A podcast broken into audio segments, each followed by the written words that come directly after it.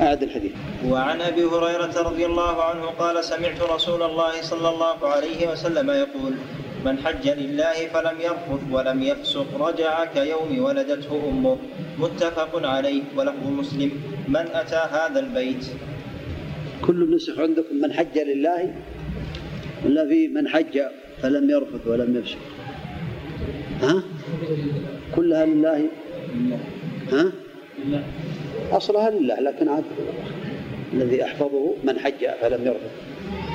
المعنى يراجع إن شاء الله لكن المعنى من حج لله لا شك أنه من حج. هذا الحديث نعم. ذكر حاشي إيه. سقط بالنسخة ها؟ يقول ذكر الحاشي من سقط بالنسخة قوله لله. إيه. على كل حال. هو مكتوب عندي لكن المحفوظ إنه عندي أنا. لكن هذه نراجع إن شاء الله الأصل نراجع أصل البخاري ومسلم.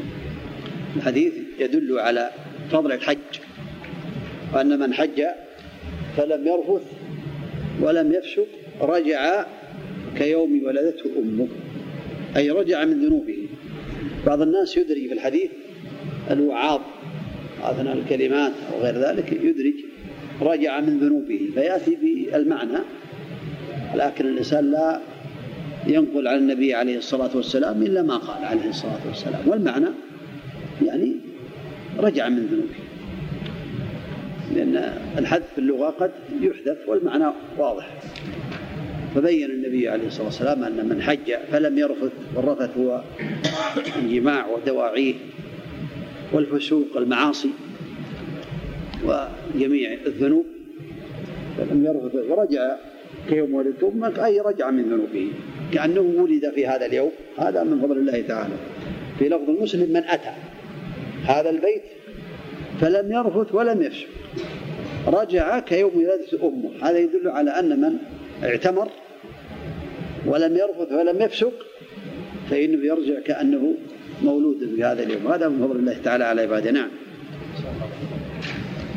وعن ابن عباس رضي الله عنهما أن النبي صلى الله عليه وسلم احتجم وهو محرم متفق عليه. هذا كذلك الحجامة لا بأس بها للمحرم عند الحاجة إذا كان مريضا. وذكر العلماء أن الحجامة قد يحتاج الإنسان إلى أخذ شيء من الشعر الرأس. فإذا أخذ شيئا من الشعر فهل عليه فدية؟ أو لا تلزمه الفدية لم يذكر عن النبي عليه الصلاة والسلام أنه فدى صلوات الله وسلامه عليه. فلعله يكون شيئا يسيرا. ولكن لو فدى الإنسان فلا حرج من باب الاحتياط لكنه لم يرد عن النبي عليه الصلاة والسلام فيما أعلم أنه فدى صلوات الله وسلامه عليه. الإنسان إذا حلق رأسه أو حلق شيئا من شعره لحاجة أو لغير حاجة فإنه يفتي. أما في العجامة فلم يرد عن النبي عليه الصلاة والسلام أنه فدى حينما احتجم. نعم. وعن عبد الله بن حنين أن عبد الله بن أن عبد الله بن عباس والمسور بن مخرمة اختلفا بالأبواء فقال عبد الله بن عباس يغسل المحرم رأسه. وقال المسور بن مخرمة لا يغسل المحرم رأسه. فأرسلني ابن عباس إلى أبي أيوب الأنصاري أسأله عن ذلك فوجدته يغتسل بين القرنين وهو يستتر, وهو يستتر بثوب فسلمت عليه فقال من هذا؟ فقلت أنا عبد الله بن حنين. أرسلني إليك. عبد الله بن عباس أسألك كيف كان رسول الله صلى الله عليه وسلم يغسل رأسه وهو محرم؟ فوضع أبو أيوب يده على الثوب فطأطأه حتى بدا لي رأسه. ثم قال لإنسان يصب صب. فصب على راسه يصب؟ صب عندك مكتوب ولا اصبب؟ صب أحسن كل نسخ كذا؟ ها؟ نعم. لعل في رواية لأن قال هنا في لفظ مسلم لعل في رواية البخاري. نعم. فصب على رأسه ثم حرك رأسه بيد بيديه فأقبل بهما وأدبر. ثم قال هكذا رأيته صلى الله عليه وسلم يفعل. متفق عليه واللفظ لمسلم. وهذا الحديث فيه البيان لأن الإنسان له أن يغتسل وهو محرم لا بأس. أو يغسل إحرامه ويبدله بإحرام آخر. ويغسل راسه. فالأمر في هذا يعني ميسر. يجوز له ذلك. ما دام أنه لا يتطيب ولا يعمل شيء من محظورات الإحرام وإنما اغتسل تبرد أو اغتسل من الجنابة أو غير ذلك فلا بأس به. وله أن يلبس ما يحفظ فيه نقوده وله كذلك أن يستظل بمظلة يستظل بشجرة أو بخيمة أو بغير ذلك من الأمور التي بينها العلماء وأنها لا بأس بها. ولبس الساعة كذلك والنظارة هذه لا بأس بها من باب الأمور التي يجوز للمحرم أن يفعلها. نعم. وعن عبد الله بن ابن معقل. وعن؟ وعن عبد الله بن معقل قال جلست إلى كعب بن عجرة فسألته عن الفدية فقال نزلت في نزلت في خاصة وهي لكم عامة. حملت إلى رسول الله صلى الله عليه وسلم والقمل يتناثر على وجهي فقال ما كنت أرى الوجع بلغ بك ما أرى. ما كنت أرى الوجع. من؟ بالتشكيل ها؟ اي نعم كلها هنا أرى يظهر أنها أرى نعم. نعم.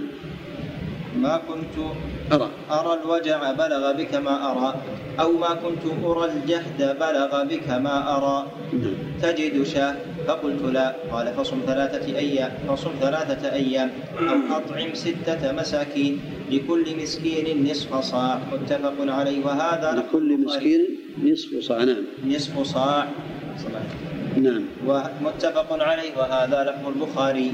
هذا الحديث يدل على أن المحرم إذا احتاج إلى حلق رأسه من أذى أو من مرض أو من غير ذلك فلا بأس بذلك. له أن يحلق رأسه وعليه الفدية أو يلبس ثيابه احتاج في البرد الشديد. إلى أنه يلبس الثياب أو يقلم أظافره احتاج إلى ذلك. فلا بأس بذلك لكن عليه الفدية. والفدية هي ذبح شاة كما بين النبي عليه الصلاة والسلام أو صيام ثلاثة أيام. أو إطعام ستة مساكين لكل مسكين نصف الصاع من تمر أو من حب أو من غير ذلك. هذه يقال لها فدية الأذى. وهي تكون في خمسة أشياء من محظورات الإحرام. تكون في تغطية الرأس وفي لبس المخيط وفي الطيب تقليم الأظافر وحلق الشعر. هذه خمسة أشياء إذا وقع المحرم في شيء منها متعمدا ذاكرا لا ناسيا فإن عليه الفدية. لكنه يأثم عند عدم الحاجة ولا يأثم عند الحاجة. فلو أراد أن يحلق رأسه بدون حاجة ما عنده هذا يأثم. وعليه الفدية. أراد أن يقلم أظهاره بدون حاجة. أو يلبس الثياب بدون حاجة. يأثم وعليه الفدية. أما إذا احتاج حصل له برد شديد وأراد أن يغطي رأسه أو أراد أن يلبس ثوبا لأنه يخشى من الضرر فإنه لا إثم عليه وعليه الفدية. ذكر العلماء ذلك. وأنه مخير في الفدية بين ثلاثة أشياء إما شاه وإما صيام ثلاثة أيام وإما إطعام ستة مساكين لكل مسكين نصف الصاع. أما المحظورات الأخرى كل محظور له فدية كما سيأتي. نعم. الصيام أحسن الله عليك في مكة في الحج؟ الصيام في المكان الذي يعني احتاج فيه إلى الصيام إذا استطاع نعم أحسن الله. باب حرمة مكة والمدينة. نعم. عن أبي هريرة رضي الله عنه قال لما فتح الله على رسوله صلى الله عليه وسلم مكة قام في الناس فحمد الله وأثنى عليه ثم قال إن الله حبس عن مكة الفيل وسلط عليها رسوله والمؤمنين وإنها لم تحل لأحد كان قبلي وإنها أحلت لي ساعة من نهار. وإنها لن لن تحل لأحد بعدي فلا ينفر صيدها ولا يقتلى شوكها ولا تحل ساقطتها إلا لمنشد, إلا لمنشد ومن قتل له قتيل فهو بخير النظرين إما أن يفدى وإما أن يقتل بخير النظرين نعم. أحسن الله. فهو بخير النظرين. إما أن يفدى وإما أن يقتل. فقال العباس إلا الإذخر يا رسول الله. فإنا نجعله في قبورنا وبيوتنا. فقال رسول الله صلى الله عليه وسلم إلا الإذخر فقام أبو شاة رجل من أهل اليمن فقال اكتبوا لي اكتبوا لي يا رسول الله. فقال رسول الله صلى الله عليه وسلم اكتبوا لأبي شاة. قال الوليد فقلت للأوزاعي ما قوله اكتبوا اكتبوا لي يا رسول الله؟ قال هي الخطبة التي سمعتها من رسول الله. هي الخطبة نعم. أحسن الله إليك. هي هي الخطبة التي سمعتها من التي سمعها من رسول الله صلى الله عليه وسلم. اللهم صل وسلم. هذا فيه بيان تحريم مكة. أنه لا ينفر صيدها لا يحل فيها القتال لأحد من الناس. إلا للنبي عليه الصلاة والسلام في الساعة التي دخل فيها لفتح مكة عليه الصلاة والسلام ولم يحصل قتال إلا مناوشات بين بعض الصحابة وبعض المشركين. أحلت له عليه الصلاة والسلام ولكنها لا تحل لأحد من بعده إلى قيام الساعة. كذلك لا ينفر صيدها. الصيد لا ينفر. إذا وجد حماما أو وجد صيدا لا ينفره. ينتظر حتى يمضي ولا ينفره. هذا من باب النهي. لكن قتل الصيد هذا أعظم من باب أولى كما تبين ولا يقتل شوكها. في رواية لا يعضد شوكها لا يعني الشجر لا يعضد لا يقطع ولا يختلى خلاها. في الرواية الأخرى الخلا هو العشب يعني والحشيش. يختلى هو الحشيش الذي يؤخذ للحيوانات. هذا كله لا يجوز ولا تحل ساقطتها إلا لمنشد يعني اللقطة لا يجوز للإنسان أن يأخذها من الحرم. خارج الحرم يجوز لها أن يجوز له أن يأخذها ويعرفها سنة يعرف وكاءها وعفاصها ويعرفها سنة. فإن لم يأتي أحد بعد السنة فهي أما في الحرم فلا يجوز أن يأخذ هذه اللقطة إلا ليعرفها دائما. يستمر في التعريف. ولا يتركها وهذا فيه الحفاظ على أموال الحجيج الحجاج لأنهم يأتون من أماكن بعيدة. وربما ينسى شيئا. فيرجع فيجد مكانه.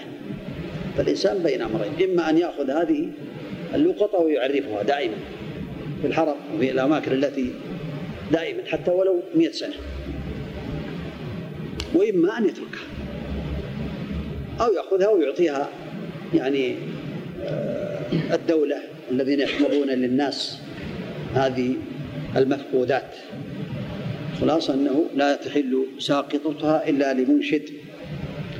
ومن قتل قتل له قتيل فهو بخير النظرين. يعني من قتل له قتيل في مكة. بخير النظرين مخير. إما في القصاص وإما في أخذ الدية وإما في العفو. له أن يعفو وله أن يأخذ القصاص وله أن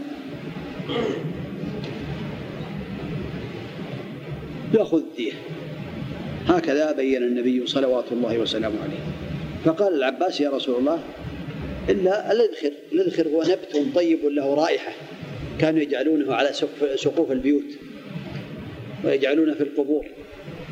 يسدون به الخلل خلل اللبن.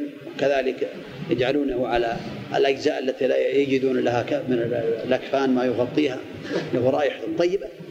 فأذن فيه النبي صلوات الله وسلامه قال إلا كذلك. أبو شاه رجل من أهل اليمن. هذا فيه الدليل على جواز كتابة الأحاديث عن النبي عليه الصلاة والسلام. ذكر العلماء بأنه أصل في كتابة الأحاديث. عن النبي عليه الصلاة والسلام وجمع الحديث. نعم. نعم. بالنسبة لشيخ بعض الناس خل السؤال في الأخير. نعم كمل. وعن عبد الله بن زيد بن عاصم أن رسول الله صلى الله عليه وسلم قال إن إبراهيم حرم مكة ودعا لأهلها وإني حرمت المدينة كما حرم إبراهيم مكة. وإني دعوت في صاعها ومدها بمثلي ما دعا به إبراهيم لأهل مكة. متفق عليه. واللفظ لمسلم. هذا يدل كذلك على أن المدينة كمكة. المدينة مثل مكة. لا حرم ولا يقتل صيدها ولا يختلى خلاها ولا ينفر صيدها ولا يعضد شجرها إلا أن فيها استثناءات يعني كآلات الحراثة. لهم أن يأخذوا آلات الحراثة في المدينة الحرم. أما مكة فلا آلات حراثة ولا غيرها. نعم. صلى الله عليه وسلم. وعن علي بن وعن علي رضي الله عنه قال قال رسول الله صلى الله عليه وسلم المدينة حرم ما بين عير إلى ثور. يعني حرم المدينة حدوده من الجنوب من جهة مكة جبل عير. جبل في جنوب المدينة قرب الميقات ومن الشمال جبل ثور. قال له جبل قرب في أصل جبل أحد من جهة الشمال ومن الشرق والغرب الحرتان. فما بين هذه الأمور أو ما بين هذه الحدود حرم للمدينة. نعم. وعن عامر بن سعد وعن عامر بن سعد أنه أن ساع أن سعدا جاء راكبا إلى قصره بالعقيق فوجد عبدا يقطع شجرا أو يخبط أو يخبطه فسلبه فلما رجع جاء أهل العبد فكلموا فكلموه أن يرد عليهم غلامهم أو عليهم ما أخذ من غلامهم فقال معاذ الله أن أرد شيئا نفلنيه رسول الله صلى الله عليه وسلم. وأبى أن يرد عليهم رواهما مسلم. وروى أبو داود حديث سعد وزاد ولكن إن شئتم دفعت إليكم ثمنه. هذا السلف يعني هذا جزاء له عقوبة له. من قطع شجر المدينة أو أخذ من شجرها فله لمن وجده أن يأخذ سلبه يعني يأخذ جميع ما عليه جميع ما عنده إلا ما يكشف عورته. يكشف سيارة وغير سيارة. وغير ذلك لكن هذا طبعا يحتاج إلى عناية ويحتاج إلى تأمل. يعني إذا كان هذا يفضي إلى فتن ويفضي إلى قتال ولا فتنة عظيمة هذا ينظر يكون من جهة ولي الأمر. لكن هذا ثبت عن النبي عليه الصلاة والسلام أنه أعطاه سلف وأسأل الله عز وجل ولكم العلم النافع العمل الصالح التوفيق لما يحب ويرضاه. صلى الله وسلم وبارك على نبينا وعلى آله وأصحابه أجمعين. نعم. ما الإحرام أحسن الله إليك. الأنبياء والمرسلين قال الإمام ابن عبد الهادي في كتابه المحرر في الحديث اللهم اغفر لنا ولشيخنا وللحاضرين. قال الإمام عن جعفر بن محمد عن أبيه قال دخلنا على جابر بن عبد الله رضي الله عنهما فسأل عن القوم حتى انتهى إليه.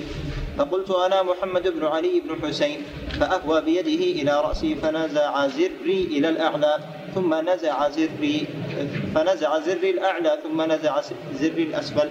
ثم وضع كفه بين ثديي وأنا يومئذ غلام شاب.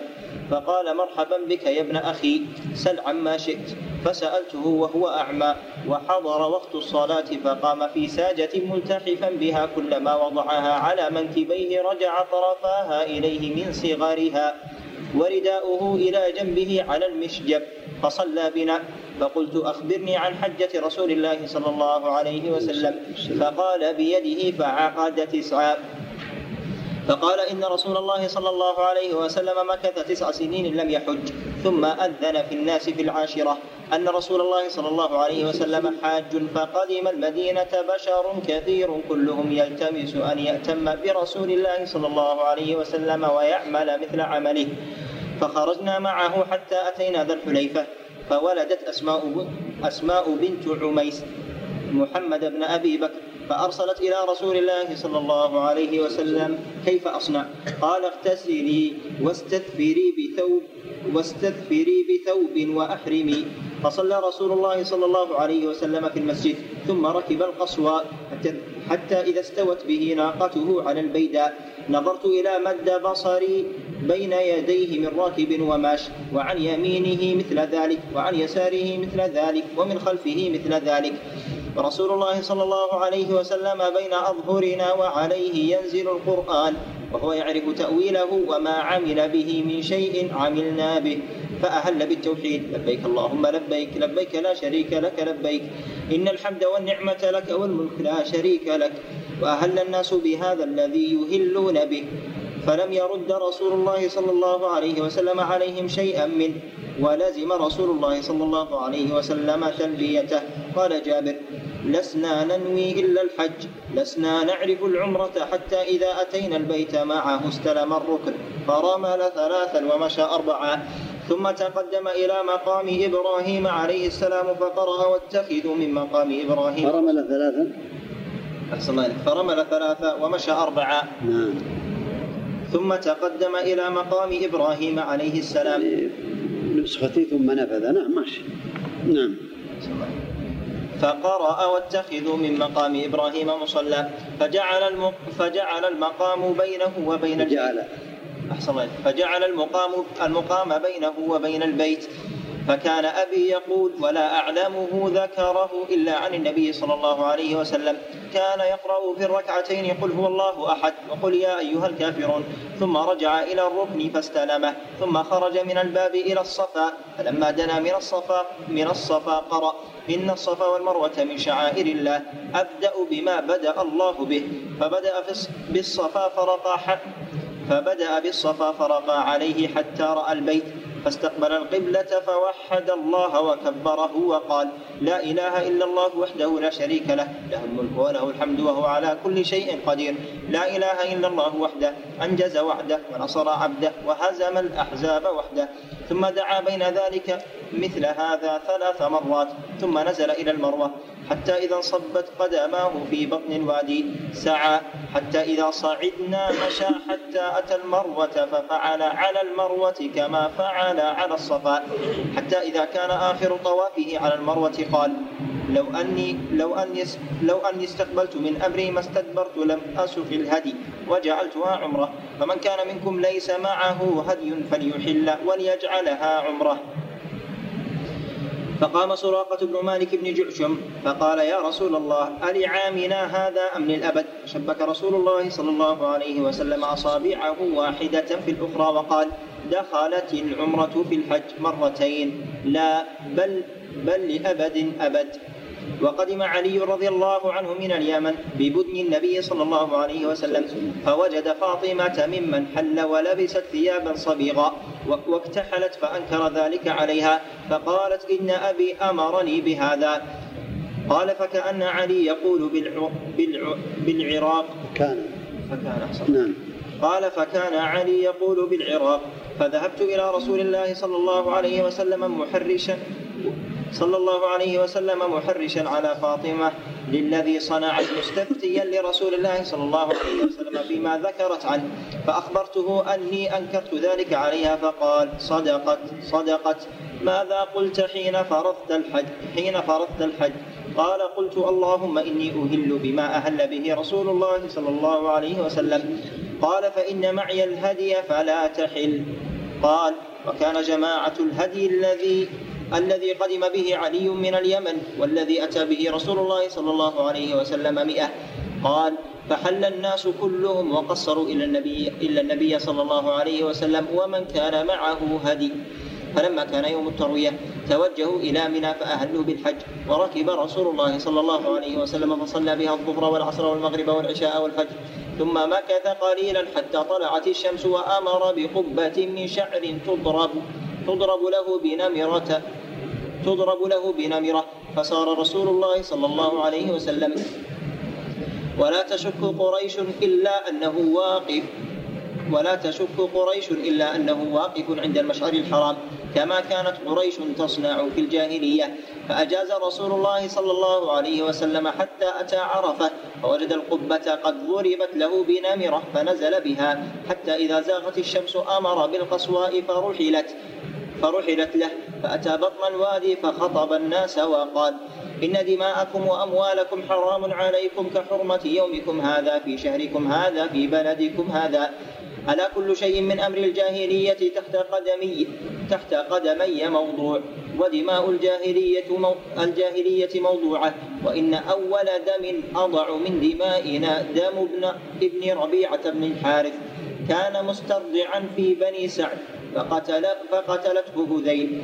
وربا الجاهلية موضوع. وإن أول ربا أضع ربانا ربا عباس بن عبد المطلب. فإنه موضوع كله. فاتقوا الله في النساء. فإنكم أخذتموهن بأمان الله. واستحللتم فروجهن بكلمة الله. ولكم عليهن ألا ألا ألا يطئن في فرشكم أحدا تكرهونه فإن فعلن ذلك فاضربوهن ضربا غير مبرحا ولهن عليكم رزقهن وكسوتهن بالمعروف.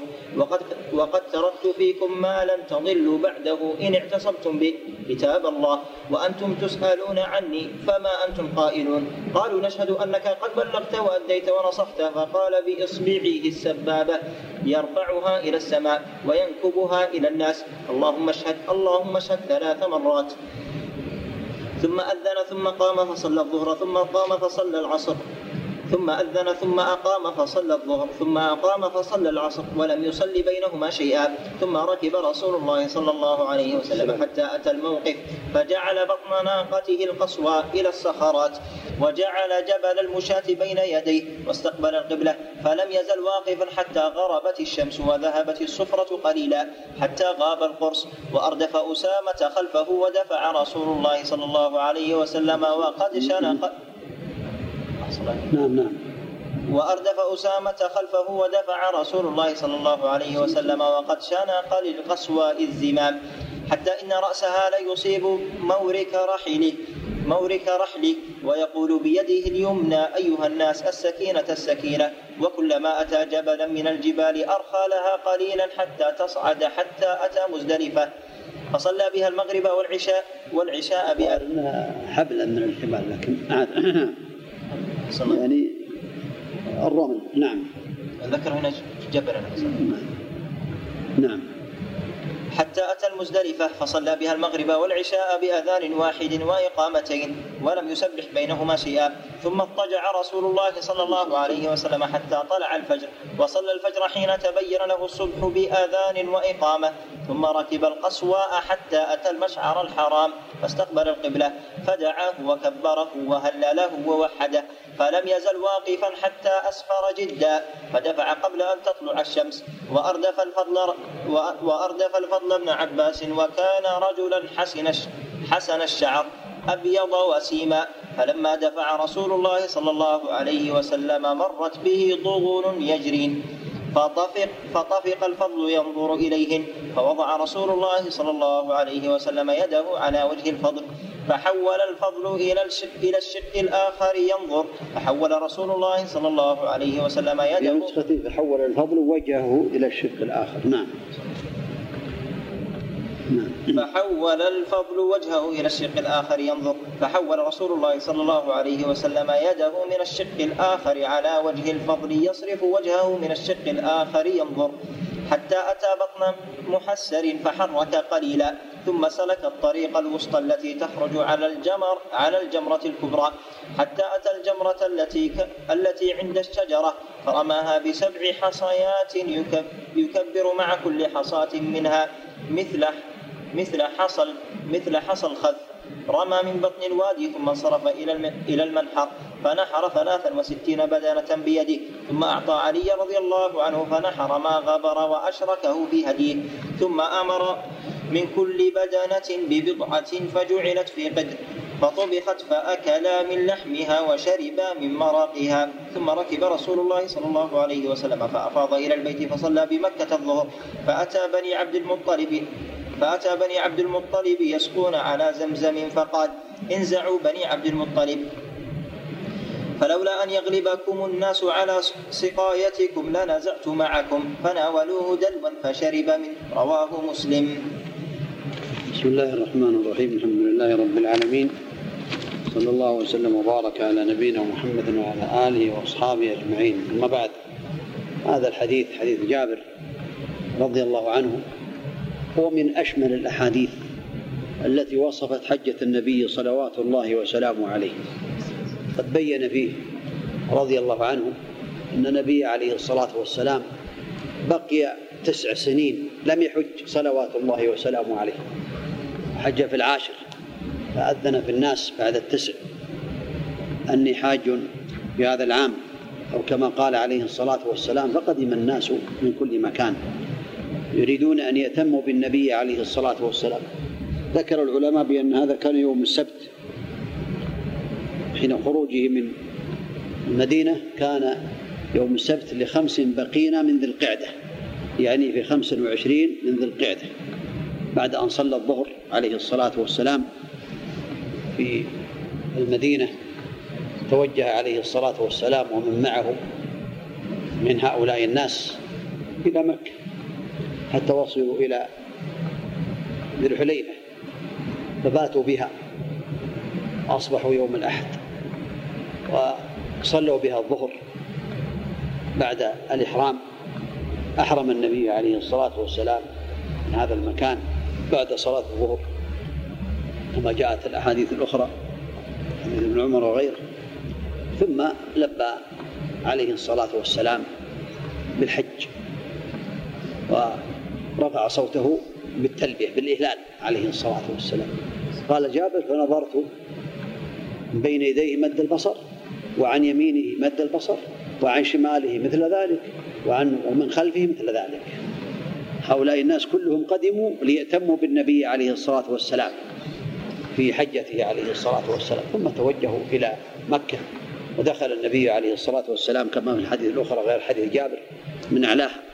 بات بطوى عليه الصلاة والسلام دخلها من أعلاها وطاف بالبيت عليه الصلاة والسلام سبعة أشواط بعد أن توضأ صلوات الله وسلامه عليه يرمل في الثلاث الأول ويسير في الأربعة الأخر وبعد أن أنهى سبعة أشواط يكبر كلما يحاذي الحجر الأسود. عليه الصلاة والسلام ويستلمه وكذلك يستلم الحجر الركن اليماني بعد أن أنهى الطواف عليه الصلاة والسلام مع الرمل كذلك والاطباع الذي تقدم تعريفه اتجه إلى مقام إبراهيم وقال واتخذوا من مقام إبراهيم مصلى. صلى ركعتين عليه الصلاة والسلام قرأ في الأولى بعد الفاتحة في سورة الكافرون. وفي الثانية بعد الفاتحة في قل هو الله أحد ثم رجع إلى البيت واستلم عليه الصلاة والسلام. الاستلام يعني مسح باليد. ثم في بعض التفاصيل الأحاديث الأخرى أنه بعد أن صلى ركعتين شرب من زمزم ثم رجع إلى البيت وطاف واستلم ثم ذهب إلى الصفا عليه الصلاة والسلام وقرأ واتخذوا من مقام إبراهيم وقرأ إن الصفا والمروة من شعائر الله أبدأ بما بدأ الله به. بدأ الله بالصفا إن الصفا واستقبل البيت وكبر عليه الصلاة والسلام. وقال لا إله إلا الله وحده لا شريك له له الملك وله الحمد وهو على كل شيء قدير. لا إله إلا الله وحده أنجز وعده ونصر عبده وهزم الأحزاب وحده. وكان يدعو بين ذلك عمل ذلك ثلاث مرات. هذا السنة. يقول هذا الذكر ثم يدعو الله تعالى ويكرره ثلاث مرات. يدعو بين هذه المرات. هكذا فعل النبي عليه الصلاة والسلام. ويرفع يديه في هذا الدعاء لما جاء في الأحاديث الأخرى. ثم اتجه إلى المروة عليه الصلاة والسلام. وسعى في بين الوادي في مسير الوادي. كما جاءت الأحاديث الأخرى تبين ذلك. بأنه سعى سعي الإنسان المجهود بين في بطن الوادي الذي الآن بين العلمين الأخضرين. حتى أتى إلى المروة ورقي عليها واتجه إلى القبلة عليه الصلاة والسلام وأعاد الدعاء الذكر الذي قاله على الصفا عليه الصلاة والسلام. هذه سعية واحدة. ثم رجع إلى الصفا ففعل ذلك عليه الصلاة والسلام سبع مرات. يدعو على الصفا وعلى المروة بهذا الدعاء وحينما أنتهى عليه الصلاة والسلام من السعي صلوات الله وسلامه عليه أمر الناس كلهم جميعا أن يجعلوها عمرة إلا من ساق الهدي وقال لو استقبلت من أمري ما استدبرت لم يسوق الهدي ولجعلتها عمرة. فأمرهم عليه الصلاة والسلام أن يحلوا جميعا فأحلوا جميعا كانوا متمتعين على صورتهم إلا النبي عليه الصلاة والسلام ومن ساق الهدي مع عليه الهدي مع عليه الصلاة والسلام. ثم قيل بأنه قدم يوم الأحد يعني في مكة الرابع عشر من ذي الحجة. يعني خرج من المدينة في خمسة وعشرين من ذي القعدة ووصل دخل مكة في الرابع يوم الأحد الرابع من ذي الحجة. بقي عليه الصلاة والسلام في الأبطح هذه الأيام إلى اليوم الثامن. بقي محرما ومن كان معه قد ساق الهدي. وفي اليوم الثامن توجه إلى منى. عليه الصلاة والسلام. وأحرم الناس المتمتعون أحرموا بالحج يوم الثامن. وصلى بها عليه الصلاة والسلام الظهر والعصر والمغرب والعشاء والفجر. يقصر الرباعية عليه الصلاة والسلام كل صلاة في وقتها حتى طلعت الشمس ثم اتجه إلى عرفات عليه الصلاة والسلام. وقد بنت له قبة في نمرة. نمرة هي قرية قديمة والصواب أنها خارج عرفة وليست من عرفة بعد مزدلفة. بين مزدلفة وبين عرفة بقي فيها عليه الصلاة والسلام حتى زالت الشمس ثم ركب القصواء عليه الصلاة والسلام ونزل إلى مكان المسجد.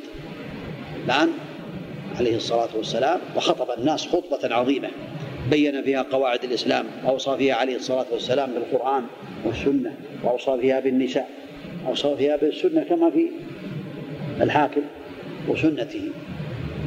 وكذلك أوصى بالنساء عليه الصلاة والسلام ووضع الربا عليه الصلاة والسلام ووضع أمور الجاهلية في هذه الخطبة العظيمة. ثم أذن المؤذن وصلى الظهر ركعتين كان يوم الجمعة ثم أقام صلى صلى الظهر ركعتين ثم أقام وصلى العصر ركعتين وهو يوم الجمعة عليه الصلاة والسلام. دل ذلك على أن هذه ليست خطبة الجمعة. وليست صلاة جمعة وإنما هي صلاة الظهر قصرا لأنه خطب قبل الأذان وأذن بعد الخطبة وكانت الصلاة جهرية سرية في هذه الصلاة ولم تكن جهرية فهي الحقيقة صلاة الظهر والعصر قصرا وجمعا. ثم بعد أن صلى عليه الصلاة والسلام نزل إلى الموقف إلى جبل هلال على وزن هلال يسميه الناس الآن جبل الرحمة يجعله بينه وبين القبلة عليه الصلاة والسلام وقف عند حبل المشاة.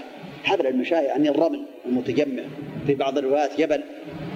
والخلاصة أنه جعله بينه وبين القبلة. ذكر المحققون بأنه جعله بينه وبين القبلة يكون على يساره قليلا. هذا الموقف هو الذي وقف فيه النبي عليه الصلاة والسلام. من تيسر له أن يقف في هذا المكان؟ فلا بأس فهو أفضل. ومن لم يتيسر له وقف في عرفات في أي مكان كان واستقبل القبلة ودعا الله تعالى. دعا النبي عليه الصلاة والسلام حتى غربت الشمس وهو واقف على راحلته متجه للقبلة رافع يديه عليه الصلاة والسلام. ومن حرصه في بعض الروايات أنه ربما يقع خطام الناقة فيأخذ بإحدى يديه واليد الأخرى مرفوعة إلى السماء. هذا من حرصه عليه الصلاة والسلام. من حرصه أنه لا يضع يده الأخرى حينما يأخذ الخطاب من بعد الزوال إلى من بعد الصلاة إلى غروب الشمس عليه الصلاة والسلام. ثم نزل عليه الصلاة والسلام حينما غربت الشمس وكان يوم الراس يقول السكينة السكينة. حتى وصل إلى إلى مزدلفة فصلى بها الظهر فصلى بها المغرب والعشاء عليه الصلاة والسلام قبل حط الرحال كما في الحديث الأخرى. يعني قبل أن يحطوا الرحال هذا السنة يعني قبل أن ينزلوا عفوشهم وما معهم من الأمتعة صلى عليه الصلاة والسلام. ثم قبل الصلاة الأخرى يعني أناخوا الإبل ثم صلوا صلاة العشاء صلى ثلاث ركعات المغرب وقام المؤذن وصلوا كذلك ركعتي العشاء ثم نام عليه الصلاة والسلام في هذا المكان في مزدلفة في المشعر الحرام. المشعر الحرام ذكر العلماء بأنه جبل صغير في المزدلفة. والتحقيق والله أعلم أنه قد بني عليه المسجد الآن. المسجد الآن الكبير بني على قزح يعني على المشعر الحرام. أما كان المشعر الحرام لا يشاهد الآن. جبل صغير هو تحت المسجد. فمن وقف في هذا المكان في المسجد؟ وقف في المكان. ومن لم يقف في هذا المكان فلا بأس. لقولي في أحد الأخرى وقفتها هنا وجمع كلها موقف كما قال وقفتها هنا وعرفت كلها موقف.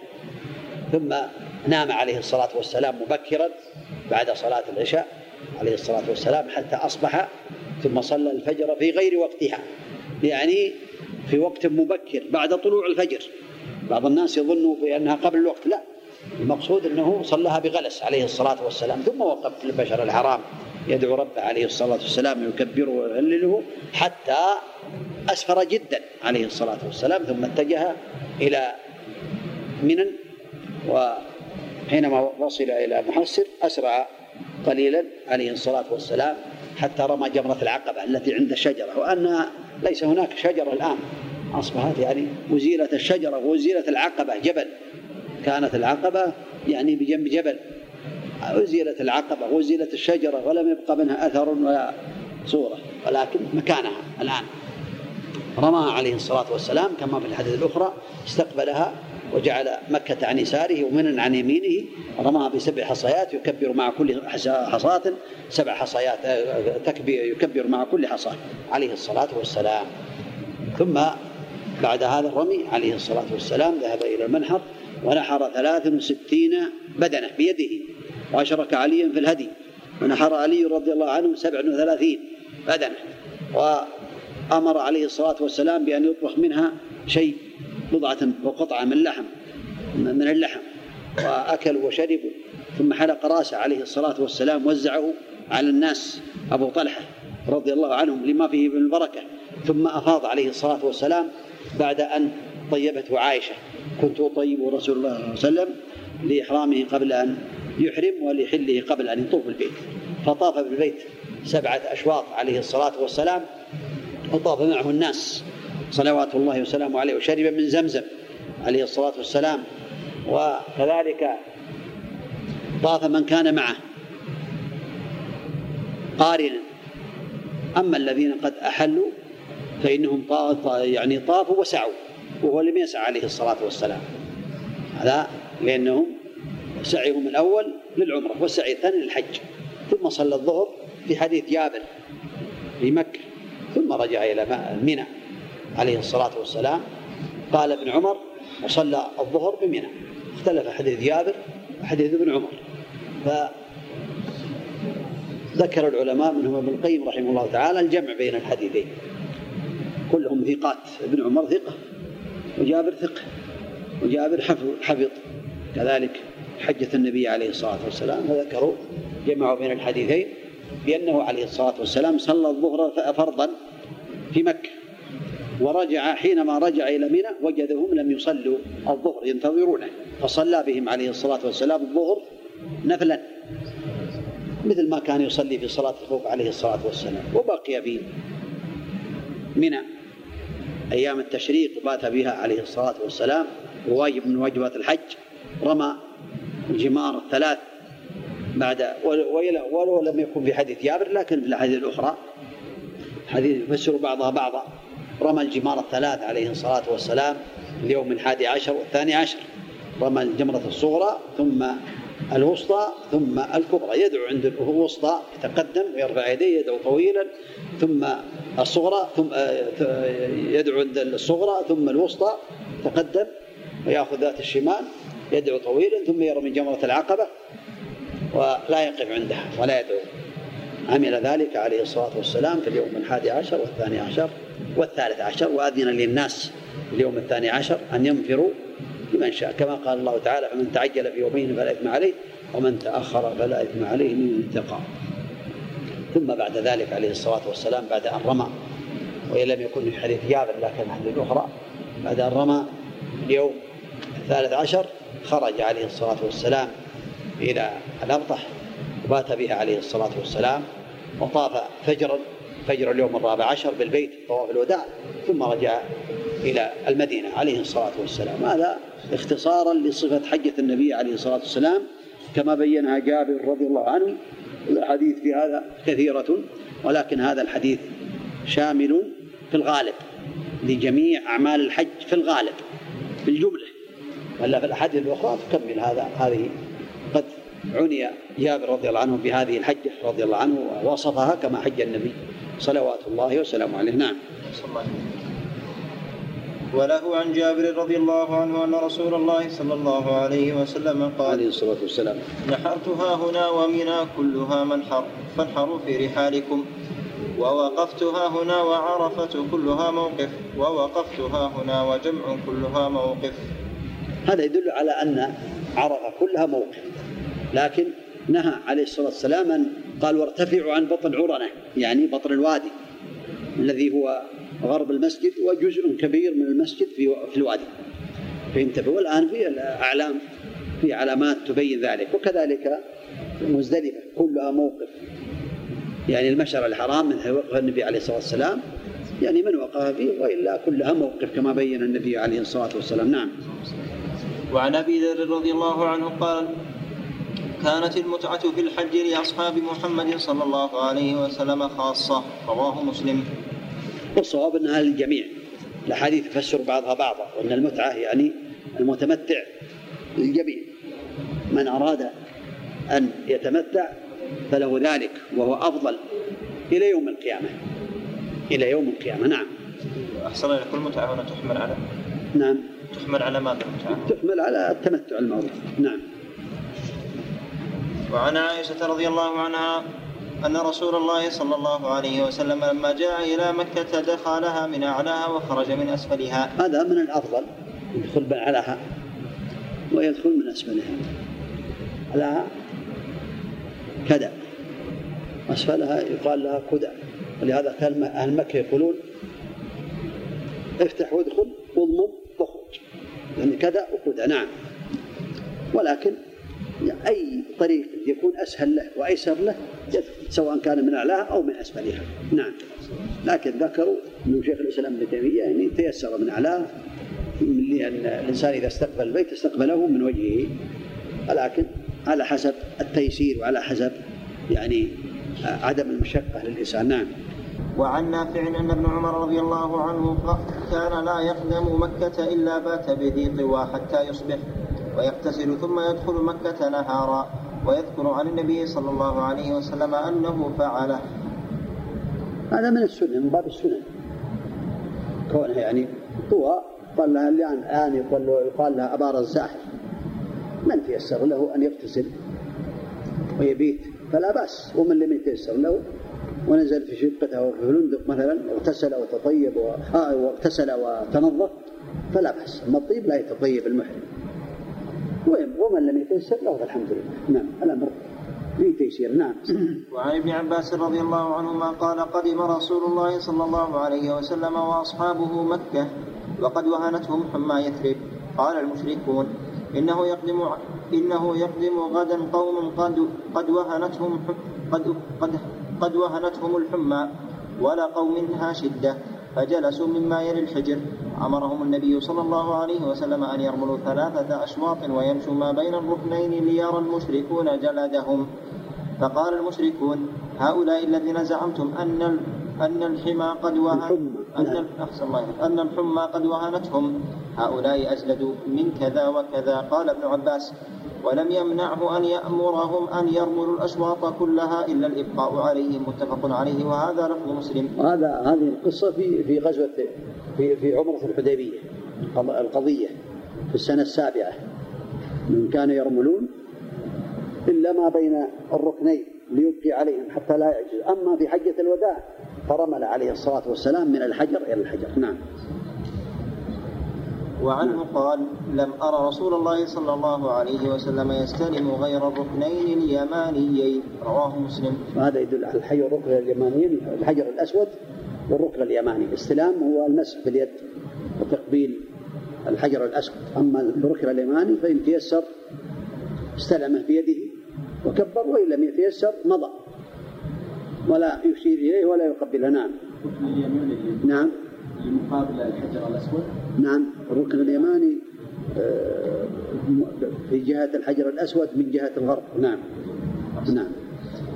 وعن عابس بن ربيعة عن عمر رضي الله عنه أنه جاء إلى الحجر فقبله فقال إني أعلم أنك حجر لا تضر ولا تنفع ولولا أني رأيت رسول الله صلى الله عليه وسلم يقبلك ما قبلتك. متفق عليه واللفظ للبخاري. هذا يدل على شدة حرص عمر على السنة وعلى يعني خوفه من الشرك. أن الحجر لا يضر ولا ينفع لكنها سنة. هذا يدل على اتباع النبي عليه الصلاة والسلام. قبله فتقبيله عبادة لله لا للحجر. فهو يقبله لله تعالى كما لفعل النبي عليه الصلاة والسلام. نعم. أحسن. وعن أبي الطفيل قال رأيت رسول الله صلى الله عليه وسلم يطوف بالبيت ويستلم الركن بمحجن معه ويقبل المحجن. هذا من السنة. أن يشير أن يستلم الحجر. يعني السنة في الحجر له سنن أربع يستلمه بيده ويقبله. هذه صورة. النوع الثاني يستلمه بشيء كمحجن. بشرط أن لا يضر الناس أو بشيء ويقبل ذلكم الشيء. الثالث إن لم يتيسر يطوف ويشير إليه ويكبر. تكبير. هكذا ثبت عن النبي عليه الصلاة والسلام. نعم. هذه أمور ثلاثة. سنة الحجر. نعم. ولعلنا نبتدي على أساس الإخوان الذين عندهم مساجد بسم الله الرحمن الرحيم والصلاة والسلام على أشرف الأنبياء والمرسلين نبينا محمد وعلى آله وصحبه وسلم. أما بعد. اللهم اغفر لنا ولشيخنا وللحاضرين. قال الإمام ابن مهدي ابن عبد الهادي في كتابه المحرر في الحديث وعن يعلى وهو ابن وع- وعن يعلى وهو ابن أمية قال طاف النبي صلى الله عليه وسلم مطبعا ببرد أخضر. رواه أحمد وأبو داود. وهذا لفظه. وابن ماجه والترمذي وصححه. بسم الله الرحمن الرحيم. الحمد لله رب العالمين. صلى الله وسلم وبارك على نبينا محمد وعلى آله وأصحابه أجمعين. هذا يدل على أن المحرم له أن يلبس. الإزار أو الرداء من أي لون سواء كان من اللون الأسود أو من الأخضر أو من غير ذلك. ولكن الأبيض معروف وهو الأفضل. الأبيض هو الأفضل كما بين النبي عليه الصلاة والسلام. نعم. صلى الله عليه وسلم. وعن عائشة رضي الله عنها قالت قال رسول الله صلى الله عليه وسلم إنما جعل الطواف بالبيت وبين الصفا والمروة ورمي الجمار لإقامة ذكر الله. رواه أحمد وأبو داود. وهذا لفظه. والترمذي وصححه. طواف البيت والسعي بين الصفا والمروة ورمي الجمار مما هو لذكر الله تعالى. ليس فينبغي للمسلم في هذه الأمور أن يراعي حرمة هذه المشاعر. وأن يتذكر أنه في عبادة لله تعالى أو في ذكر لله تعالى حتى ولو لم يذكر الله تعالى بلسانه فهو بذكر لكن المشروع أن يذكر الأذكار التي ثبتت عن النبي عليه الصلاة والسلام بهذه المواضع. نعم. وعن محمد بن أب وعن محمد بن أبي بكر الثقفي أنه سأل أنس بن مالك وهما غاديان من منى إلى عرفة كيف كنتم تصنعون في هذا اليوم مع رسول الله صلى الله عليه وسلم؟ فقال كان يهل منا المهل فلا ينكر عليه ويكبر المكبر منا فلا ينكر عليه. هذا يدل على أن النبي عليه الصلاة والسلام لم ينكر عليهم؟ كانوا يكبر بعضهم ويهلل بعضهم يعني آه، يلبي بعضهم. ولم ينكر على أحد منهم. لكنه لا لازم تلبيته عليه الصلاة والسلام. اللهم لبيك اللهم لبيك لبيك لا شريك لك لبيك. إن الحمد والنعمة لك والملك. لكن الصحابة منهم من يكبر ولم ينكر عليهم. لكن الأفضل يعني التزام فعل النبي عليه الصلاة والسلام. نعم. صلى الله عليه وسلم وعن هشام وعن هشام بن أب وعن هشام بن عروة عن أبيه أنه سئل- سئل أسامة وأنا جالس. كيف كان رسول الله صلى الله عليه وسلم يسير في حجة الوداع حين دفع؟ قال كان يسير العنق فإذا وجد فجوة النص. متفق عليهما. يعني الآن يفسره السكينة السكينة يعني يسير لا يسرع عليه الصلاة والسلام وإنما يعني يلتزم السكينة عليه الصلاة والسلام كما أمر بذلك عليه الصلاة والسلام حينما أفاض من عرفات. نعم. أحسن الله إليك. وعن القاسم عن عائشة رضي الله عنها قالت استأذنت سودة رسول, رسول الله صلى الله عليه وسلم ليلة المزدلفة تدفع قبله وقبل حطمة الناس. وكانت امرأة ثابطة يقول القاسم والثابطة الثقيلة.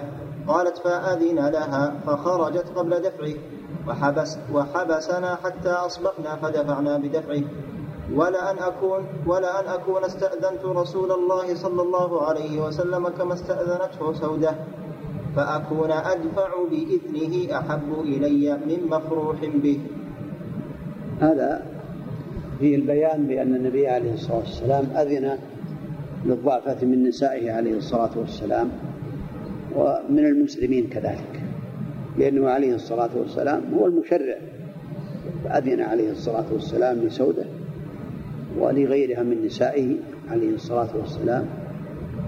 هذا يدل على أن النساء الضعيفات والضعيف كذلك ومن كان قويا مع الضعفاء كذلك له أن لهم أن ينزلوا بعد منتصف الليل بعد غروب القمر كما ذكر ابن القيم رحمه الله تعالى.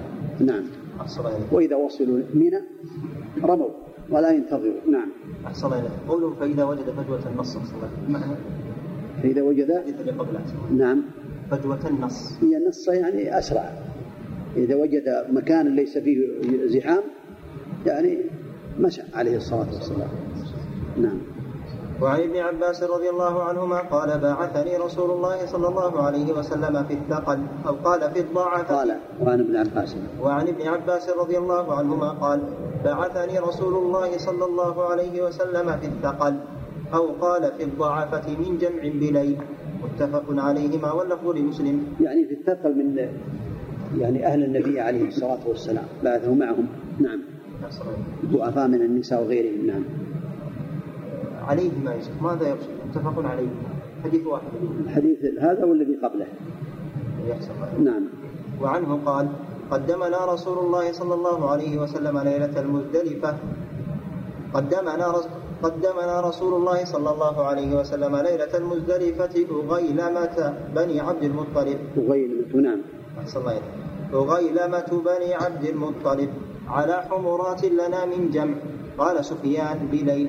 فجعل يلطح أفخاذنا ويقول أبيني لا ترموا الجمرة حتى تطلع الشمس. رواه أحمد وأبو داود والنسائي. وابن ماجه وفي إسناده انقطاع. ذكر العلماء بأن هذا الحديث في إسناده انقطاع. أن الضعيف إذا نزل فإن له أن يرمي. إذا انتصف الليل بعد غروب القمر ونزل النساء الضعيفات ومن معهن وصلوا إلى منى لهم أن يرموا. كما رمت كذلك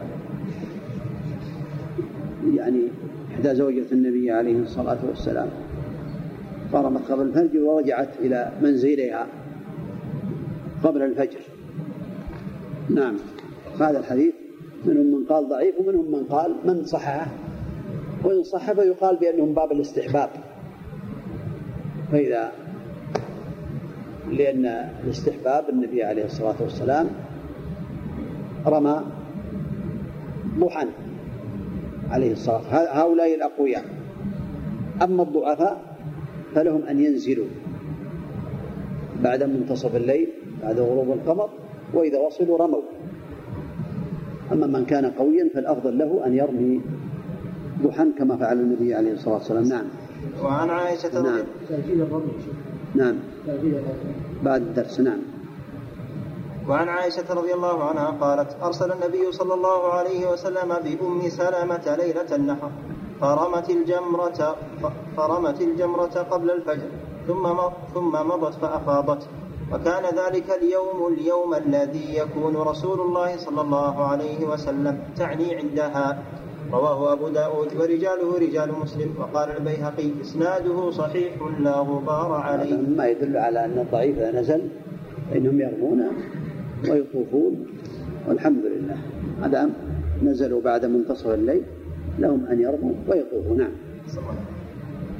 وعن ابن مسعود رضي الله عنهما وعن ابن مسعود رضي الله عنه قال ما رأيت رسول الله صلى الله عليه وسلم صلى صلاة إلا لميقاتها إلا صلاتين صلاة صلاة المغرب والعشاء بجمع وصلى الفجر يومئذ قبل ميقاتها وفي لفظ قبل وقتها بغلس. متفق عليه واللفظ لمسلم المعنى أنه صلى الصلاة صلاة المغرب عليه الصلاة والسلام والعشاء حينما قدم إلى مزدلفة عليه الصلاة والسلام صلى المغرب ثم صلى العشاء عليه الصلاة والسلام جمعا وقصرا بأذان وإقامتين. والفجر صلاها قبل ميقاتها أي قبل الوقت الذي كان يصلي فيه عليه الصلاة والسلام وإنما لم يصليها إلا بعد طلوع الفجر الثاني عليه الصلاة والسلام لكنه صلاها بغلس في غير ميقاته الذي كان يصلي فيه عليه الصلاة والسلام قبل هذا اليوم. نعم. إنما صلاها بعد طلوع الفجر الثاني نعم. وعن عروة بن مضرس بن حارثة ابن لام ابن لام الطائي قال أتيت رسول الله صلى الله عليه وسلم بالمزدلفة حين خرج إلى الصلاة.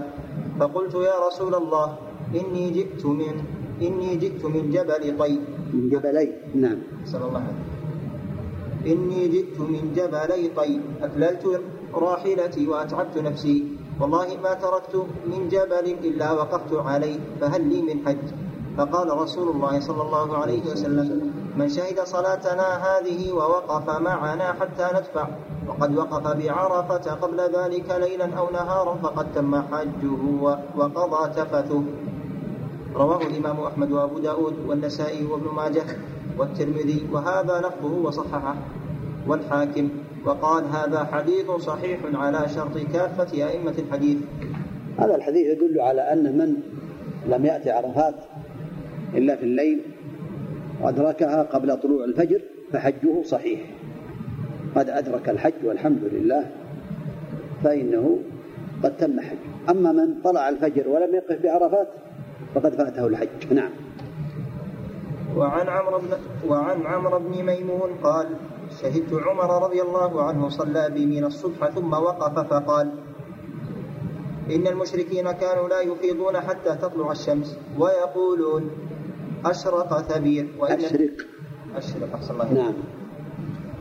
وأشرق ثبير وإن النبي صلى الله عليه وسلم خالفهم ثم أفاض قبل أن تطلع الشمس. رواه البخاري. وزاد أحمد وابن ماجه أشرق ثبير كما كيما نغير هذا فيه الدلالة على أن السنة النزول من منى إلى من مزدلفة إلى منى. أن يكون ذلك بعد الإسفار جدا قبل شروق الشمس. لأن المشركين كانوا يبقون في مزدلفة حتى تشرق الشمس على ثبير جبل في مزدلفة. إذا رأوا الشمس قد وقعت عليه وأشرقت عليه أفاضوا إلى منى. أما النبي عليه الصلاة والسلام فبقي يذكر الله بعد صلاة الفجر عليه الصلاة والسلام حتى أسفر جدا. ثم أفاض قبل طلوع الشمس. عليه الصلاة هذا هو السنة نعم. قبل طلوع الشمس. وعن ابن عباس رضي الله عنهما أن أسامة بن زيد كان ردف النبي صلى الله عليه وسلم من عرفة, من عرفة إلى إلى المزدلفة ثم أردف الفضل من المزدلفة إلى منى فكلاهما قالا لم يزل النبي صلى الله عليه وسلم يلبي حتى رمى جمرة العقبة. رواه البخاري. يعني هذا نهاية التلبية؟ حينما يرمي جمرة العقبة. بالنسبة للحاج وبالنسبة للمعتمر حتى يطوف حتى يستلم الحجر الأسود. هكذا فعل النبي عليه الصلاة والسلام. نعم. يلبي حتى يرمي جمرة العقبة. نعم. وعن وعن وعن أم الحصين رضي الله عنها قالت حججت مع النبي صلى الله عليه وسلم حجة الوداع. فرأيت أسامة وبلالا وأحدهما آخذ بخطام ناقة رسول الله صلى الله عليه وسلم. والآخر رافع ثوبه يستره من الحر حتى رمى جمرة العقبة. رواه مسلم. هذا يدل على أمور. منها أن النبي عليه الصلاة والسلام رمى جمرة العقبة. صلوات الله وسلامه عليه وهو راكب ومنها جواز استقلال المحرم بظل الله يلاصق رأسه. ومنها كذلك يعني تواضع النبي عليه الصلاة والسلام. نعم. نعم. ها؟ بعد حديث ام الحسين أيوه. 111 كم؟ 111 يعني المفروض 16 يعدل نعم. نعم. وعن عبد الرحمن بن يزيد أنه حج مع عبد الله أنه حج مع عبد الله فقال رمى رمى الجمرة بسبع حصيات وجعل البيت عن يساره ومينا عن يمينه وقال هذا مقام الذي أنزلت عليه سورة البقرة متفق عليه وهذا لفظ مسلم. هذا يدل النبي عليه الصلاة والسلام جعل مكة عن يساره ومنا عن يمينه والجمرة أمامه. هذه جمرة العقبة ورمى هذا الموضع في الرمي هو الأفضل. هو الأفضل. لكن لو رماها من أي جهة أجزى ذلك والحمد لله. من أي مكان؟ من الشرق من الغرب من الجنوب من الشمال. لكن كونه يجعل البيت عن يساره ومن عن يمينه والعقبة أمامه يرميها بسبع حصيات يكبر مع كل حصاة هذا هو الأفضل. نعم. أحسن الله إليك. وعن وعن أبي الزبير أنه سمع جابر رضي الله عنه يقول رأيت النبي صلى الله عليه وسلم يرمي على راحلته يوم النحر ويقول لتأخذوا عني مناسككم لا أدري لعلي لا أحج بعد حجتي هذه. ما في فيني ما في فيني لا أدري؟ عندي ما. ماشي. نعم. هذا يدل على أن النبي عليه الصلاة والسلام قدوة لنا في أعمالنا في أعمال الحج وفي غيرها. كما قال عليه الصلاة والسلام كما صلوا كما رأيتموني أصلي. قال هنا خذوا عني مناسككم. عليه الصلاة والسلام. فينبغي للعبد أن يقتدي بالنبي عليه الصلاة والسلام في أموره عليه الصلاة والسلام في الحج كلها في الرمي وفي الوقوف بعرفة وفي الذكر وفي غير ذلك. قد رمى عليه الصلاة والسلام جمرة العقبة ضحى أما الجمار الأخرى فلم يرميها عليه الصلاة والسلام في أيام التشريق إلا بعد الزوال. خذوا عني مناسككم. نعم. وعنه قال رمى رسول الله صلى الله عليه وسلم يوم النحر ضحى وأما بعد فإذا زالت الشمس رواهما مسلم. نعم هذا يدل على أنه لا يجوز الرمي بعد الز... قبل الزوال في الأيام أيام التشريق. مع الأحاديث الأخرى نعم. وعن سالم عن عن ابن عمر رضي الله عنهما أنه كان يرمي الجمرة الدنيا بسبع حصيات يكبر على إثر كل حصى ثم يتقدم حتى يسهل حتى يسهل فيقوم مستقبل القبلة فيقوم طويلا ويدعو ويرفع يديه ثم يرمي الجمرة الوسطى ثم يأخذ ذات الشمال فيستهل ويقول مست... ويقوم مستقبل القبلة. كلكم عندكم فيستهل؟ ولا فيسهل؟ ها؟ تيسهل فيسهل. ثاني ها؟ نعم. الصحيح يا أحسن. ما شاء الله يعني يسهل نعم. يعني يتقدم ويسهل يبعد من الجمرة نعم. ويقوم مستقبل القبلة فيقوم طويلا ويدعو ويرفع يديه ويقوم يعني طويلا. المكان السهل من الأرض ويبعد عن الجمرة نعم حتى يبعد عن الزحام نعم. ثم يرمي جمرة ذات العقبة من بطن الوادي ولا يقف عندها ثم ينصرف فيقول هكذا رأيت رسول الله صلى الله عليه وسلم يفعله رواه البخاري. هذا سنة في رمي الجمرات في أيام التشريق. يرمي الجمرة الصغرى بسبع حصيات يكبر مع كل حصاة ثم يتقدم ويسهل يعني يطلب المكان السهل بعيد عن الناس ويستقبل القبلة ويدعو طويلا ثم يرمي جمرة الوسطى بسبع حصايات يكبر مع كل حصاة ثم يتقدم ويسهل ويأخذ ذات الشمال. يأخذ ذات الشمال ويستقبل القبلة ويدعو طويلا ثم تقدم ويرمي جمرة العقبة ولا يقف عندها ولا يدعو. نعم. وعنه رضي الله عنه أن رسول الله صلى الله عليه وسلم قال اللهم ارحم المحلقين. قالوا والمقصرين يا رسول الله. قال اللهم ارحم المحلقين. قالوا والمقصرين يا رسول الله؟ قال والمقصرين. دعا عليه الصلاة والسلام للمحلقين والمحلق هو الذي يحلق شعره في الحج والعمرة كذلك وهو الذي يحلق بالموس يسمونه موسى. أما الذي يحلق بالمكان الموجود الآن فهذا تقصير حتى ولو كانت على صفر هذا يقال له تقصير. إنما المقصود بالحلق هو الذي يستغرق جميع الشعر من الرأس. نعم. نعم. نعم في الحج والعمرة نعم. وعن عبد الله بن عمرو رضي الله عنهما أن رسول الله هذا الوقع وقع في الحج لكن هذا يعم العمرة العمرة والحج. الأفضل أن يحلق نعم. وعن عبد الله بن عمرو رضي الله عنهما أن رسول الله صلى الله عليه وسلم وقف في حجة الوداع فجعلوا يسألونه فقال رجل لم أشعر فحلقت قبل أن أذبح. فقال اذبح ولا حرج. فجاء آخر, آخر فقال لم أشعر فنحرت قبل أن أرمي. قال قال إرمي ولا حرج. قال إرمي ولا حرج. قال إرمي ولا حرج. نعم. فما سئل يومئذ عن شيء قدم ولا أخر إلا قال افعل ولا حرج. متفق عليهما. هذا في الأمور الأربعة. بعض الناس يعمم هذا افعل ولا حرج. أفعل الحج كلها. لا هذا في الأمور الأربعة. في رمي جمرة العقبة والحلق أو التقصير والنحر والطواف بالبيت مع السعي لمن لم يسعى. ما سئل عليه الصلاة والسلام عن هذه الأمور الأربعة عن شيء قدم ولا أخر لا.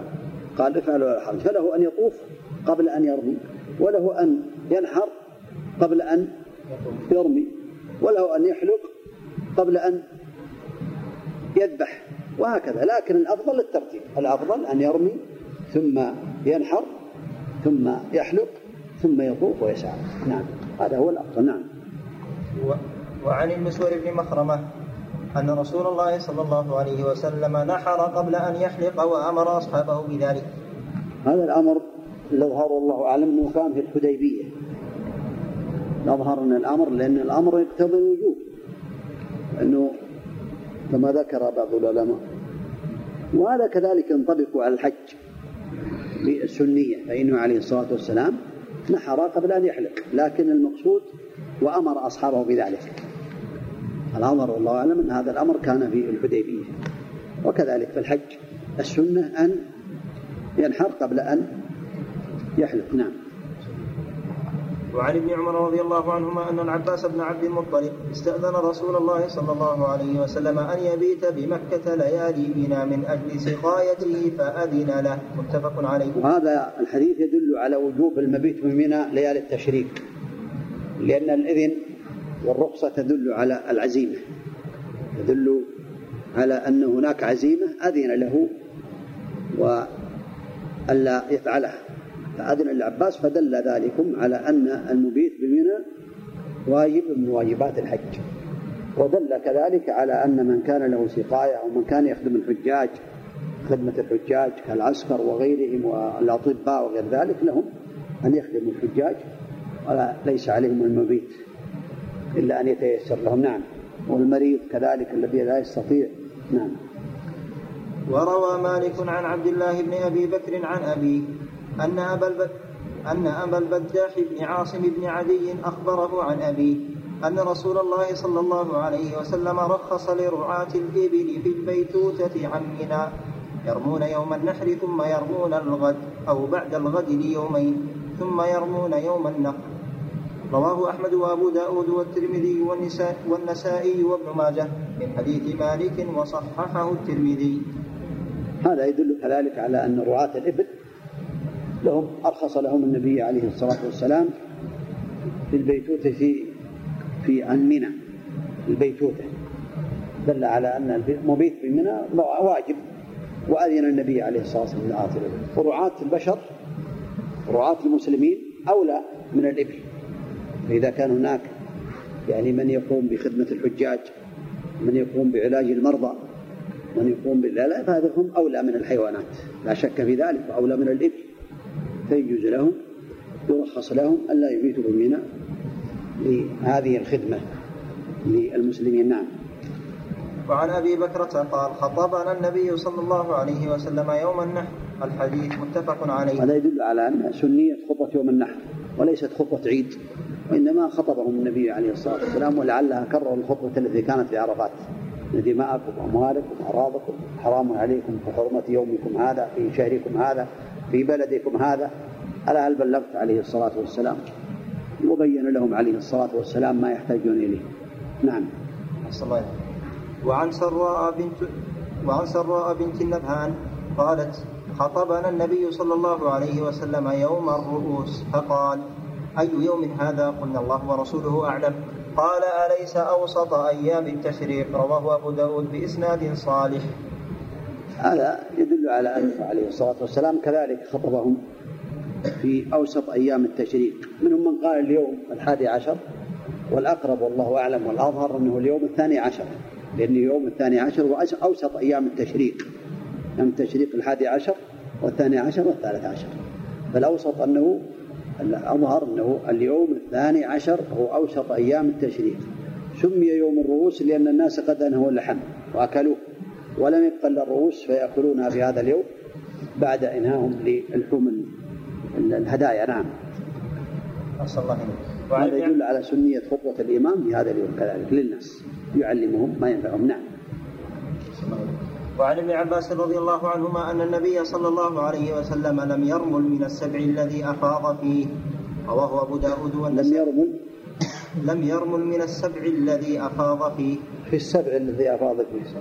في السبع الذي أفاض فيه. يعني لم يرمل في سبعة الأشواط التي طاف بالبيت فيها عليه الصلاة والسلام طواف الإفاضة. وهذا يدل على أن الرمل يكون أول ما يقدم البيت. فإذا أتى إنسان أو حج اعتمر الحاج قبل الحج فإنه يشرع له الرمل والإطباع. في أول الطواف في أول طواف يطوفه في مكة. أما إذا قد سبق وأن طاف طواف القدوم أو قد سبق وأن اعتمر فإنه لا يرمل ولا يضطبع في الطواف طواف الإفاضة.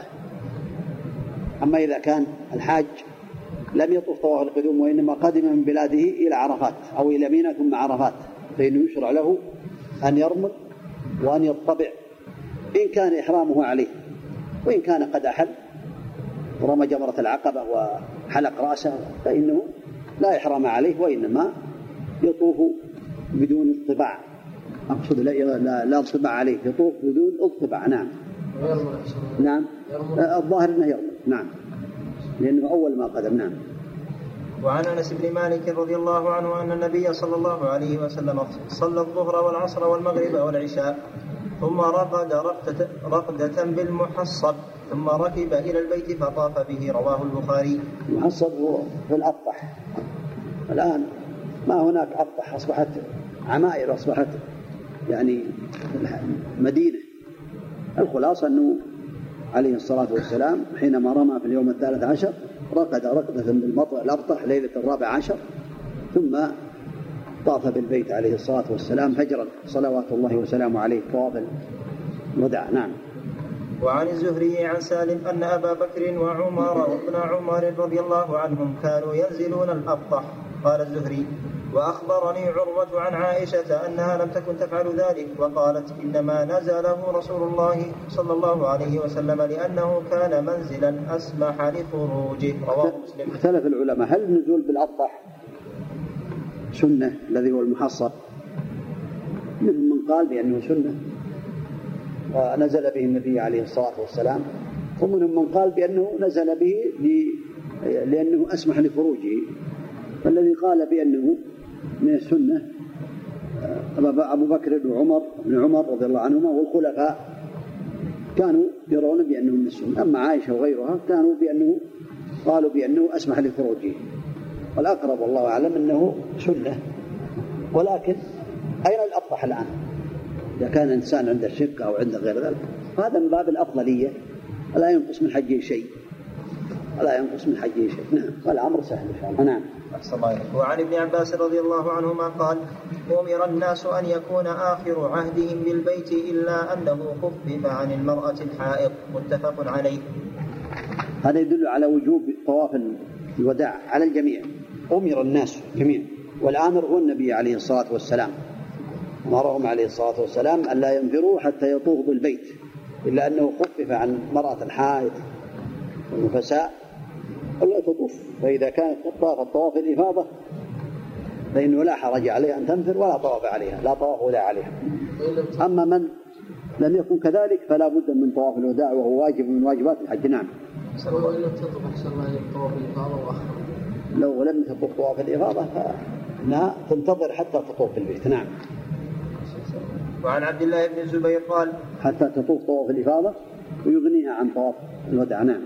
وعن عبد الله بن الزبير رضي الله عنه قال قال رسول الله صلى الله عليه وسلم صلاة في مسجدها صلاة في مسجدي هذا أفضل, أفضل من ألف صلاة فيما سواه إلا المسجد إلا المسجد الحرام. وصلاة في المسجد الحرام أفضل من صلاة في مسجدي هذا بمئة صلاة. رواه الإمام أحمد وهذا لفظه. وابن حبان وإسناده على شرط صحيحين. وهذا من فضل الله تعالى على عباده أن من صلى الصلاة رحمك الله صلاة واحدة في المسجد الحرام فتكون بمئة ألف صلاة مما سواه في المساجد. أما الصلاة في المدينة تكون بألف صلاة في ما سواه في المساجد إلا المسجد الحرام. روي في بيت المقدس 500 صلاة يحتاج إلى نظر لكن اشتهر عند العلماء أنه يكون له 100 500 صلاة. الخلاصة أن هذا فضل الله تعالى يؤتيه من يشاء وهذه الصلاة عامة يعني مطلقة سواء كانت فريضة أو نفلا أو صلاة جنازة مئة ألف صلاة فضل الله تعالى يؤتيه من يشاء نعم نعم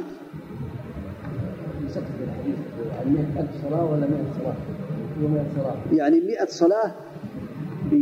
يعني أفضل من صلاة في مسجدي هذا في مسجد بمئة صلاة مئة صلاة في في ألف بكم؟ ها؟ يعني مئة صلاة في مسجد صلاة في المسجد الحرام بمئة ألف صلاة وما صلاة في المسجد النبوي مسجد النبي صلى الله عليه وسلم بألف صلاة نعم. باب الفوات والإحصار. عن سالم قال كان ابن عمر لعل, لعل يكفي وقت. نسأل الله عز وجل لنا ولكم العلم النافع.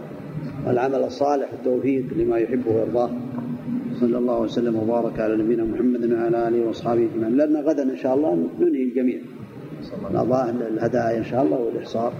بارك الله فيكم جزاكم الله خيرا. صلى الله وسلم. بسم الله الرحمن الرحيم. الحمد لله رب العالمين.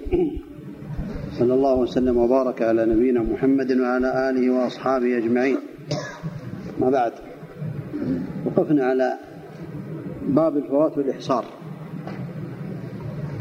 قال المؤلف رحمه الله تعالى عن سالم قال كان ابن عمر رضي الله عنهما يقول أليس حسبكم سنة رسول الله صلى الله عليه وسلم إن حبس أحدكم عن الحج طاف بالبيت وبالصفا والمروة ثم حل من كل شيء حتى يحج عاما قابلا فيهدي أو يصوم إن لم يجد هديا. هذا الحديث باب الفوات والإحصار. الإحصار هو أن يحصر الإنسان عن البيت الحرام عن الحج أو العمرة سواء كان الإحصار والإحصار هو المنع يعني منع إما بعدو أو بمرض على الصحيح حتى ولو كان بمرض أو ضل عن الطريق ولم يدري فإنه بهذه الحالة إن كان قد اشترط عند إحرامه وقال لبيك عمرة أو لبيك حجا فإن حبسني حابس حابس فمحلي حيث حبستني. فإنه يحل يحل بدون قيد ولا شرط. أما إذا لم يشترط فإنه ينتظر. فإن يئس من الوصول للبيت فإنه ينحر هديا أو يذبح هديا ويحلق رأسه.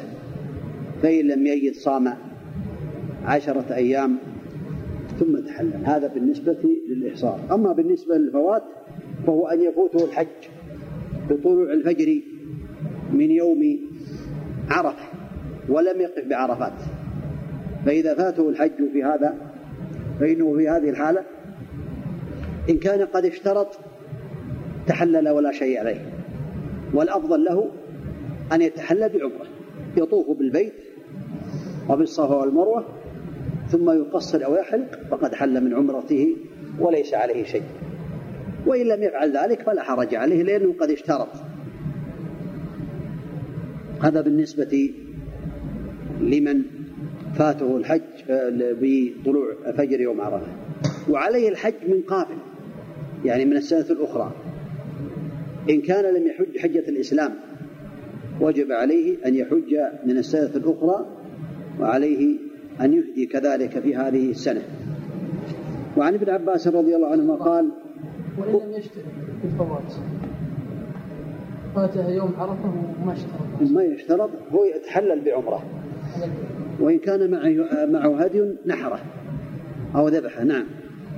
وعن ابن عباس رضي الله عنهما قال أحصر رسول الله صلى الله عليه وسلم فحلق وجامع نساءه ونحر هديه حتى اعتمر عام قابلا. رواه البخاري. هذا يدل على أن من أحصر فيفعل مثل ما فعل النبي عليه الصلاة والسلام. حينما أحصر عليه الصلاة والسلام حلق يوم يعني ونحر هديه عليه الصلاة والسلام وحلق. يعني النحر قبل الحلق. حتى اعتمر عام قابلا نعم. طيب يعني تباح له المحظورات في قتل بعدما إذا نحر وحلق رأسه أبيحت له المحظورات وعن عائشة رضي الله عنها. قالت دخل النبي صلى الله عليه وسلم على ضباعة بن الزبير بن عبد المطلب فقالت يا رسول الله إني أريد الحج وأنا شاكية. فقال النبي صلى الله عليه وسلم حجي واشترطي أن محلي حيث حبستني. وفي رواية وكانت تحت المقداد متفق عليه واللفظ لمسلم. هذا يدل على جواز الاشتراط لمن خاف وكان مريضا. يشترط. فإن حبسني حابس فمحلي حيث حبستني. فالعلماء ذكروا ذلك وقالوا بأنه يشترط من كان خائفا. أما لم من لم يخف من العائق فالأفضل ألا يشترط لأنه لم يرد الاشتراط إلا عند المرض أو عند الخوف من العائق عن البيت سواء كان النسك حجا أو عمرة. وعن سالم عن أبيه أنه كان ينكر الاشتراط في الحج ويقول أليس حسبكم سنة نبيكم صلى الله عليه وسلم؟ رواه النسائي والترمذي وصححه. الصواب أنه يشترط الإنسان وأن اشتراط سنة عند الخوف من العائق الذي يعوقه عن البيت. وعنه رضي الله عنه أنه قال من حبس دون البيت بمرض فإنه لا يحل حتى يطوف بالبيت وبين الصفا والمروة. رواهما رواه مالك في الموطأ. لا شك أن من حبس دون البيت فإن له أن يتحلل كما فعل النبي عليه الصلاة والسلام. إن لم يستطع الوصول إلى البيت فله أن يذبح هديا أو ينحر هديا ويحلق رأسه ويتحلل من إحرامه. لا يكلف الله نفسا إلا وسعها. وعن عكمة عن الحجاج. بن عمرو الأنصاري رضي الله عنه قال قال رسول الله صلى الله عليه وسلم من كسر أو عري فقد حل وعليه الحج من قابل. قال فسألت ابن عباس وأبا هريرة عن ذلك فقال صدق. رواه أحمد وأبو داود والنسائي وابن ماجه والترمذي وحسنه ورواته ثقات. قد روي عن عكرمة عن عبد عن عبد الله بن رافع عن الحجاج وهو أصح قاله البخاري رحمه الله تعالى. الخلاصة أن الإنسان إذا حبس عن البيت بمرض أو بعدو أو بضياع نفقة ولم يستطع الوصول إلى البيت ويئس ينتظر فإن عجز فإنه في هذه الحالة يتحلل كما تقدم في الأحاديث.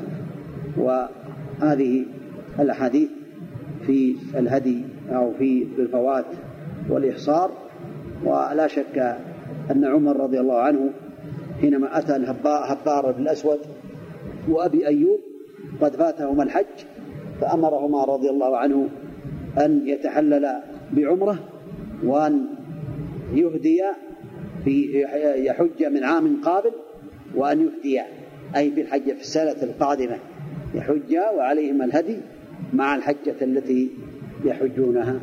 أسأل الله تعالى بأسماء الحسنى وصفات العلى لنا ولكم التوفيق والتسديد. والعلم النافع والعمل الصالح وأن يرزقنا وإياكم الإخلاص في القول والعمل وعلى كل شيء قدير وبالإجابة جدير. صلى الله وسلم وبارك على نبينا محمد وعلى آله وأصحابه أجمعين. أحد عنده سؤال شيء؟ السلام على رسول الله. نعم. وعلى آله وصحبه أجمعين أما بعد. اللهم اغفر لنا ولشيخنا وللحاضرين أجمعين. قال شيخنا حفظه الله في كتابها العمرة والحج والزيارة في ضوء الكتاب والسنة. خامسا ومن أحرم بحج أو عمرة ثم منع من الوصول إلى البيت بحصر عدو أو بمرض أو ضياع نفقة أو كسر أو حادث فعليه أن يبقى على إحرامه إذا كان يرجو زوال هذا الحابس أو المانع قريبا كأن يكون المانع سيلا. أو عدوا يمكن التفاوض معه في الدخول وآداء الطواف والسعي وبقية المناسك ولا يعد ولا يعجل في التحلل ولا يعجل في التحلل لأن النبي صلى الله عليه وسلم في غزوة الحديبية لم يعجل بل مكث هو وأصحابه. لم يعجل لم يعجل ما استعجل نعم. أحسن الله عليك لم يعجل بل مكث هو وأصحابه للمفاوضات مع أهل مكة مدة يوم الحديبية. لعلهم يسمح يسمحون لهم بالدخول لأداء العمرة بدون قتال. فلما لم يتيسر ذلك وصمموا على المنع إلا بالحرب وفرغ رسول الله صلى الله عليه وسلم من قضية الكتاب قال لأصحابه قوموا فانحروا ثم احلقوا. وكذلك إذا كان المانع من إكمال الحج أو العمرة مرض أو حادث أو ضياع نفقة فإنه إذا أمكنه الصبر لعله يزول المانع أو أثر الحادث ثم يكمل صبره. وإن لم يتمكن من ذلك صبر نعم. ثم يكمل صبر. نعم. أحسن الله عليك. وإن لم يتمكن من ذلك فهو محصر على الصحيح. محصر نعم. فهو محصر على الصحيح. يذبح ثم يحلق أو يقصر ويتحلل كما قال سبحانه وأتموا الحج والعمرة لله فإن أحصرتم فما استيسر من الهدي ولا تحلقوا رؤوسكم حتى يبلغ الهدي يبلغ الهدي محلة. وقد ثبت عنه صلى الله عليه وسلم أنه قال من كسر أو عرج أو مرض فقد حل وعليه حجة أخرى. لكن إذا كان المحصر قد قال عند المحصر نعم. لقد ولكن إن إذا كان المحصر قد قال عند إحرامه فإن حبسني حابس فمحلي حيث حبستني حل من إحرامه ولم يكن عليه هدي. وهل يجب عليه القضاء أم لا يجب عليه؟ الراجح أنه لا يجب عليه القضاء إلا إذا كانت حجة الإسلام أو عمرته فيؤدي الفرض بعد ذلك. ثمانية. أقول مبحث الشيخ. رقم ثمانية المعطوف الورقة نعم. أحسن الله عليك المبحث التاسع عشر الوقوف لا، بعرفة. لا لا. ثامنا ثامنا إذا طلع الفجر من يوم النحر ولم يقف الحاج بعرفة فقد فاته الحج. فإن كان قد اشترط في ابتداء إحرامه فقال فإن حبسني حابس فإن حبسني. فإن حبسني حابس فمحلي حيث حبستني. تحل تحلل من إحرامه ولا شيء عليه والأفضل له أن يتحلل بعمرة وإن لم يكن اشترط وفاته وفاته الوقوف وفاته الوقوف بعرفة فإنه يتحلل بعمرة فيطوف ويسعى وي- وي- ويحلق أو يقصر. وإذا كان معه هدي ذبحه ويحج عاما قابلا ويهدي. كما أفتى بذلك عمر بن الخطاب. ويهدي نعم ويهدي نعم. وي- ويهدي أحسن الله عليك. كما أفتى بذلك عمر بن الخطاب رضي الله عنه لأبي أيوب الأنصاري وهبار بن الأسود رضي الله عنهما. نعم. انتهى؟ أسأل الله لي ولكم العلم النافع. وصلى الله وسلم وبارك على نبينا محمد وعلى آله وأصحابه أجمعين. نعم.